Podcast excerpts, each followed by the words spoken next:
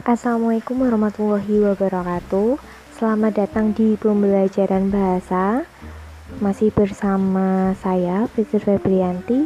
Teman-teman 4F pada pagi hari ini Kita akan belajar Tentang formulaic sequence Yang ada di dalam buku Formulaic Sequence Acquisition, Processing, and Use.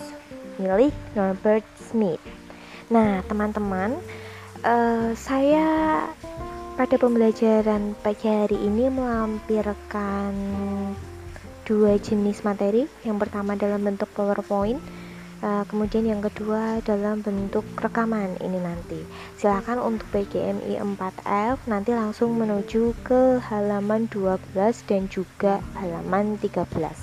Sesuai kesepakatan kita, uh, kesepakatan awal dulu saya mendapatkan bagian untuk membahas tentang chapter 1 bab pertama. Ini yang menjudul yang diberi judul Formulaic Sequence in Action and Introduction. Nah, jadi uh, sebelum teman-teman kemarin sempat membahas bu sebenarnya urutan formula tuh yang kayak gimana sih? Ini sebenarnya bukunya tentang apa sih? Sempat saya singgung sebelumnya kalau buku ini memang buku-buku yang buku yang membahas tentang kebahasaan itu sendiri. Jadi jika teman-teman yang lain mempelajari tentang metode tentang metode tentang pengajaran bahasa, nah teman-teman dari 4F ini mendapatkan buku tentang bahasa urutan bahasa itu sendiri sebenarnya apa.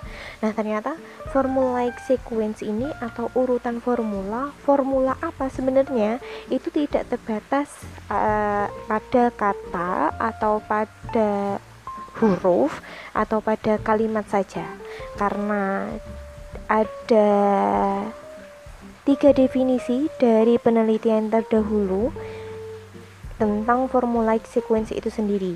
Yang pertama adalah menurut Bray pada tahun 2002 yang menyatakan formulaic sequence itu bersifat dinamis dan uh, konstan berubah ketika bertemu atau dipertemukan sesuai dengan kebutuhan dari si penuturnya itu sendiri.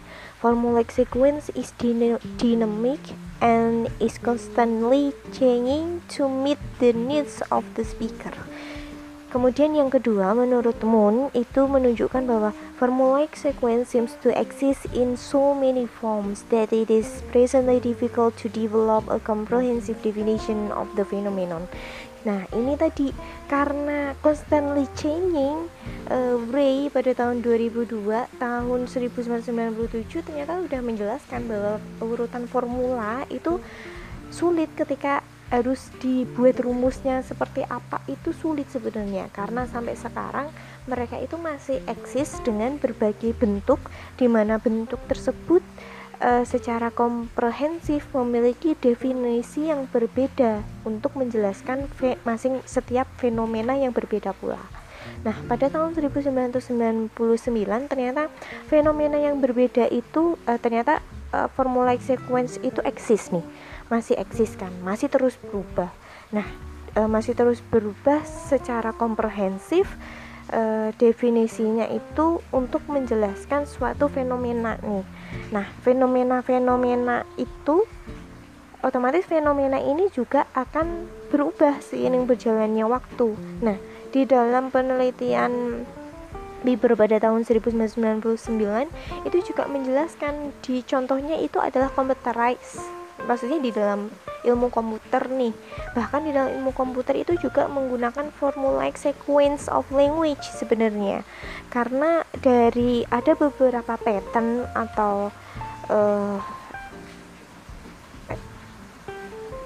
motif lambang bahasa maksud saya mohon maaf lambang bahasa itu yang secara leksikal itu sebenarnya tidak terbatas dan itu eh, masing-masing uh, kata itu bisa memiliki arti uh, bisa mempunyai bisa urutan katanya digabungkan itu bisa menunjukkan kata yang berbeda juga dan itu di dalam ilmu komputer makanya banyak sekali kemungkinan-kemungkinan yang uh, bisa digunakan pada urutan formulaic sequence itu sendiri. Masuk ke halaman 13. Di sana uh, Norbert Smith pada tahun 2004 ini memberikan definisi terhadap formulaic sequence itu sendiri. Yang pertama adalah formulaic sequence appear to be stored in the mind in the min in the mind as holistic unit, but they may not be acquired in all or nothing manner. Jadi formula formulaic sequence atau urutan formula ini secara holistik itu sebenarnya sudah dipunyai dalam otaknya manusia. But they they may not be acquired in all or nothing manner.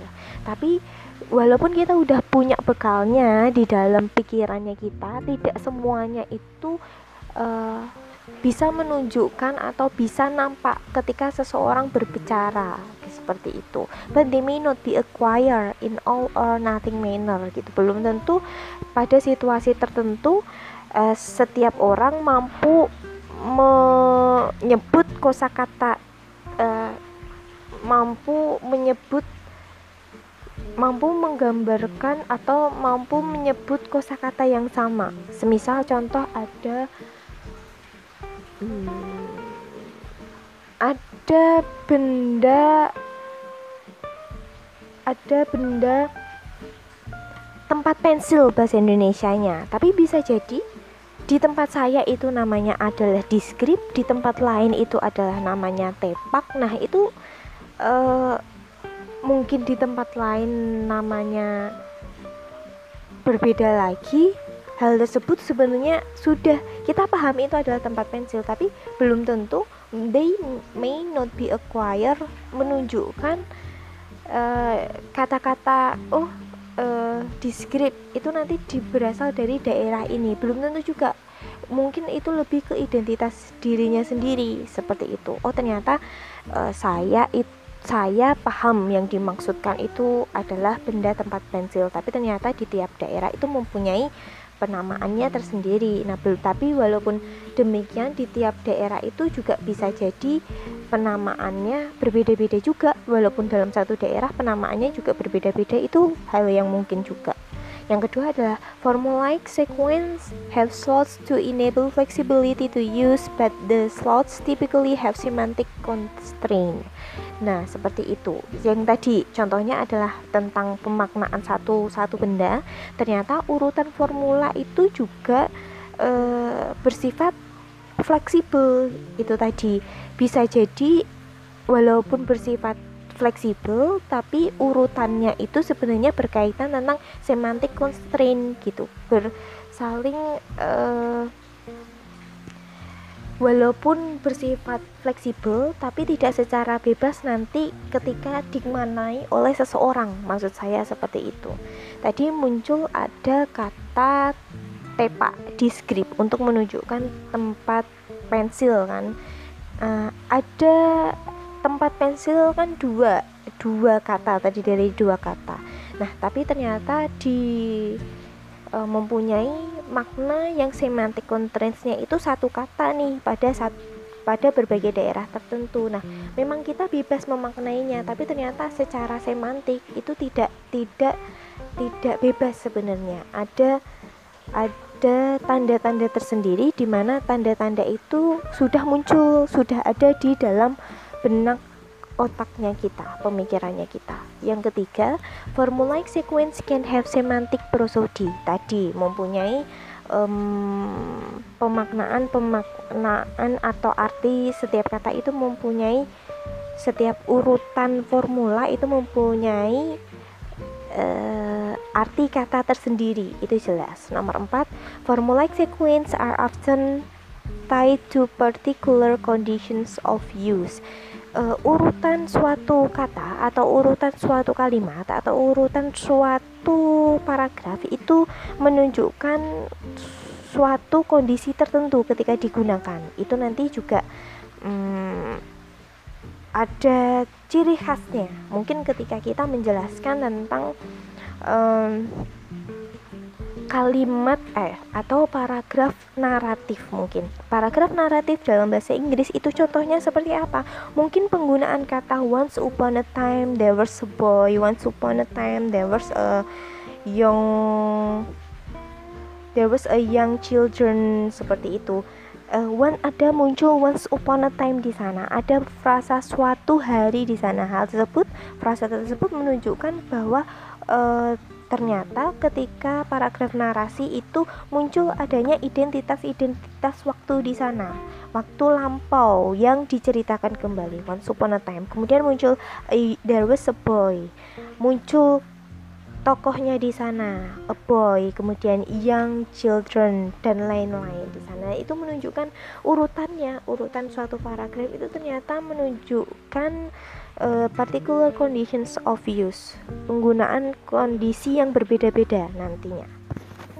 Poin yang kedua, this volume has two main purpose. One, it reports reports on some of the first sustained research into acquisition, processing, and use of formulaic sequence.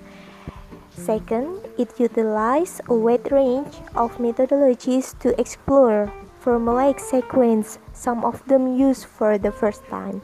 Jadi ternyata uh, buku tersebut memiliki dua tujuan utama. Yang pertama adalah untuk melaporkan beberapa penelitian yang telah dilakukan yang berkaitan tentang pemerolehan bahasa, proses pengenalan bahasa maupun proses penggunaan uh, urutan formula dari suatu bahasa tertentu.